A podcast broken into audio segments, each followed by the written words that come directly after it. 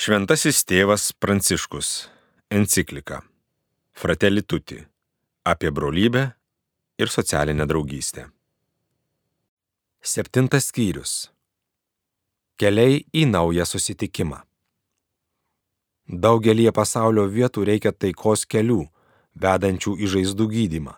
Reikia taikos kuriejų, pasirengusių išradingai ir drąsiai inicijuoti gydymo ir naujo susitikimo procesus. Pradėti iš naujo nuo tiesos.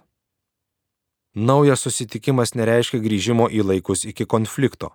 Laikui bėgant mes visi pasikeitėme. Skausmas ir konfliktai mus pakeitė. Be to, nebeliko vietos tuščiai diplomatijai, simulacijai, dviveidiškumui, slapukavimui, manieroms slepiančioms tikrovę.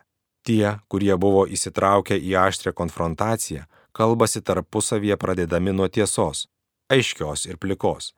Jie turi išmokti atgailaujančios atminties, gebančios priimti praeitį, kad išlaisvintų ateitį nuo savo nepasitenkinimo, painiavos ir projekcijų.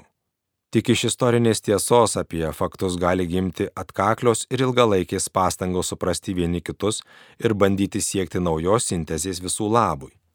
Tikrovė rodo, kad taikos procesas yra testinis įsipareigojimas.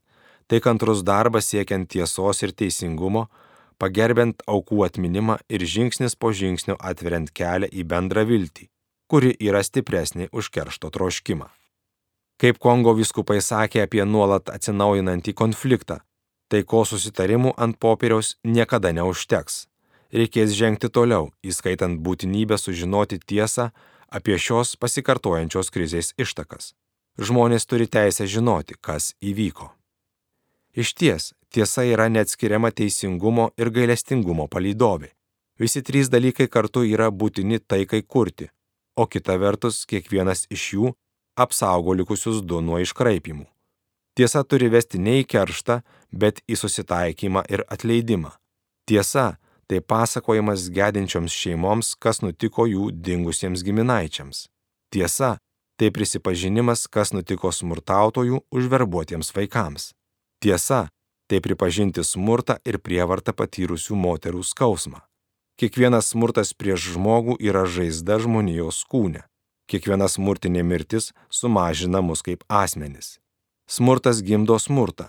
Neapykanta nauja neapykanta, o mirtis dar vieną mirtį. Turime nutraukti šią grandinę, kuri atrodo neišvengiama. Taikos architektūra ir meistriškumas. Kelias į taiką nereikalauja visuomenės niveliacijos, bet tikrai leidžia mums dirbti kartu. Jis gali sutelkti daugelį žmonių bendriems siekiams, iš kurių visi gaus naudos. Siekiant konkretaus bendro tikslo, gali būti siūlomi skirtingi techniniai sprendimai, įvairios patirtys ir dirbama bendram labui. Būtina stengtis gerai identifikuoti problemas, su kuriomis susiduria visuomenė, kad būtų galima pripažinti, jog yra įvairių būdų, kaip žvelgti į sunkumus ir juos spręsti. Siekiant geresnio sambuvio, visada reikia pripažinti galimybę, kad kitas žmogus ateina turėdamas teisėtą požiūrį, bent jau iš dalies, kažką, ką galime iš naujo įvertinti, net jei jis galbūt yra klydęs ar blogai pasielgęs. Iš tiesų niekuomet neturėtume kito apriboti tuo, ką jis neva yra pasakęs ar padaręs. Kitą žmogų turime gerbti žvelgdami į tą pažadą, kurį jis neša savyje. Pažadą, kuris visada palieka vilties spindulėlį. Kaip mokė Pietų Afrikos vyskupai, tikrasis susitaikymas pasiekiamas aktyviai kuriant naują visuomenę, pagrįstą tarnystę kitiems, o netroškimu dominuoti.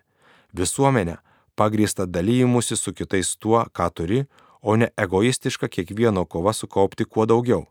Visuomenė, kurioje galimybė būti kartu kaip žmonėms yra laikoma vertingesnė už bet kokią mažesnę grupę, ar tai būtų šeima, tauta, etinė bendruomenė ar kultūra.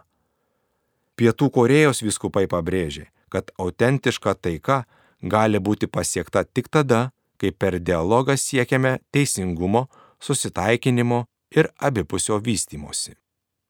Sunki užduotis įveikti tai, kas mus skiria, neprarandant kiekvieno iš mūsų tapatybės, reikalauja, kad visuose išliktų gyvas esminis priklausimo jausmas. Iš tiesų, Mūsų visuomenė laimi, kai kiekvienas žmogus, kiekviena socialinė grupė tikrai jaučiasi kaip namie. Šeimoje tėvai, seneliai, vaikai yra namiškiai. Niekas nėra atskiriamas. Jei kas nors patiria sunkumų, net ir rimtų, net ir tada, kai patys jų prisišaukė, kiti ateina jiems į pagalbą, palaiko juos, jų skausmas yra visų skausmas. Šeimose visi prisideda prie bendro plano. Visi dirba bendram labui, bet nepanaikina individo, priešingai jį palaiko ir skatina. Gal ir kivirčijasi, tačiau vienas dalykas visada išlieka nepajudinamas - šeimininis ryšys. Šeimininiai ginčiai po to tampa susitaikymu. Kiekvieno džiaugsmus ir vargus prisijima visi. Štai ką reiškia būti šeima. Jei tik galėtume į savo politinį oponentą ar kaimyną žiūrėti tomis pačiomis akimis, kuriomis žiūrime į vaikus, žmonas, vyrus, tėvus ir motinas. Kaip tai būtų gražu? Ar mylime savo visuomenę, ar ji lieka mums tolima, anonimiška, tai, kas mūsų neliečia, neįpareigoja. Dažnai kyla didelis poreikis dėrėtis ir taip kurti konkrečius kelius į taiką. Tačiau permainų procesai, vedantis į tvarę taiką, pirmiausia pasiekiami pačių tautų kūrybiniu darbu, kur kiekvienas žmogus savo kasdienę gyvenseną gali būti veiksmingas raugas. Didžiosios permainos vyksta ne prie rašomojo stalo ar kabinete. Taigi kiekvienas atlieka esminį vaidmenį viename kūrybinėme projekte, kad parašytų naują istorijos puslapį, kupina vilties, taikos ir susitaikymo. Egzistuoja taikos architektūra, į kurią įsitraukia įvairios visuomenės institucijos, kiekviena pagal savo kompetenciją, tačiau taip pat egzistuoja taikos namudinė kūryba, kurioje dalyvaujame mes visi. Iš įvairių taikos procesų, vykstančių skirtingose pasaulio dalyse, mes išmokome, kad taikos kūrimas, kai proto argumentais vadovaujamasi labiau nei kerštu, kai siekiama darnos tarp politikos ir teisės, neįmanomas neįtraukiant paprastų žmonių. Neužtenka reguliavimo sistemų ir institucinių susitarimų tarp geros valios politinių ar ekonominių grupių. Be to, visada vertinga į taikos procesus įtraukti patirtį tų sluoksnių, kurie daugeliu atveju buvo nepastebėti, kad pačios bendruomenės galėtų daryti įtaką kolektyviniai atminčiai. Socialinės taikos kūrimas šalyje niekada nepasieks galtinio taško, kadangi tai atokvėpio neduodanti užduotis reikalaujanti visų įsipareigojimo. Tai užduotis, kuri reikalauja, kad nepaliautume stengtis kurti tautos vienybę ir, nepaisant kliūčių, skirtumų ir skirtingų požiūrių į tai, kaip taikaus sambuvio siekti, akina atkakliai kovoti už susitikimo kultūros puoselėjimą, o tam būtina, kad visų politinių, socialinių ir ekonominių veiksmų centre būtų žmogaus asmuo, jo aukščiausias orumas ir pagarba bendrajam gėriui. Tegul šios pastangos padeda mums išvengti visų pagundų kerštauti bei siekti grupinių trumpalaikių interesų. Smurtinės viešos demonstracijos tiek vienoje, tiek kitoje pusėje niekaip nepadeda rasti išeities. Kaip taikliai atkreipė dėmesį Kolumbijos viskupai, Visų pirma todėl, kad kai skatinama piliečių mobilizacija, jos kilmė ir tikslai ne visada būna aiškus, pasitaiko tam tikrų politinių manipulacijų ir netgi panaudojimo saviems interesams formų. Pradėti nuo silpniausiųjų. Socialinės draugystės skatinimas reiškia ne tik suartinti dėl tam tikro istorinio konflikto nutolusias socialinės grupės, bet ir iš naujo susitikti su labiausiai nuskurdusiais ir pažeidžiamais sluoksniais. Taika yra ne vien karo nebuvimas, bet ir nuolatinis įsipareigojimas, ypač tų, kurie užima atsakingesnės pareigas, pripažinti, garantuoti ir konkrečiai atkurti mūsų brolių orumą, dažnai pamirštama ar ignoruojama, kad jie galėtų jaustis savo tautos likimo veikėjais. Dažnai neteisingi apibendrinimai įžeidžia pažeidžiamiausias visuomenės grupės. Jei kartais skurdžiausi ir atstumtieji reaguoja pasirinkdami prieš visuomenę nukreiptą laikyseną, svarbu suprasti, kad daugeliu atveju tokia reakcija susijusi su paniekos ir socialinės įtraukties stokos istorija. Kaip mokė Lotynų Amerikos vyskupai, tik kartumas, kuris mus daro draugais, leidžia mums giliai suvokti šiandienos vargšų vertybės jų teisėtus troškimus ir savitą gyvenimą tikėjimu, apsisprendimas už vargšus turi mus vesti į draugystę su vargšais.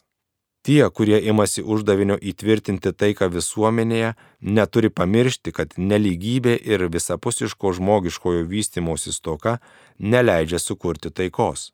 Iš tiesų, kol nebus sulygintos galimybės, įvairios agresijos ir karo formos turės derlingą dirvą, kuri anksčiau ar vėliau sukels sprogimą.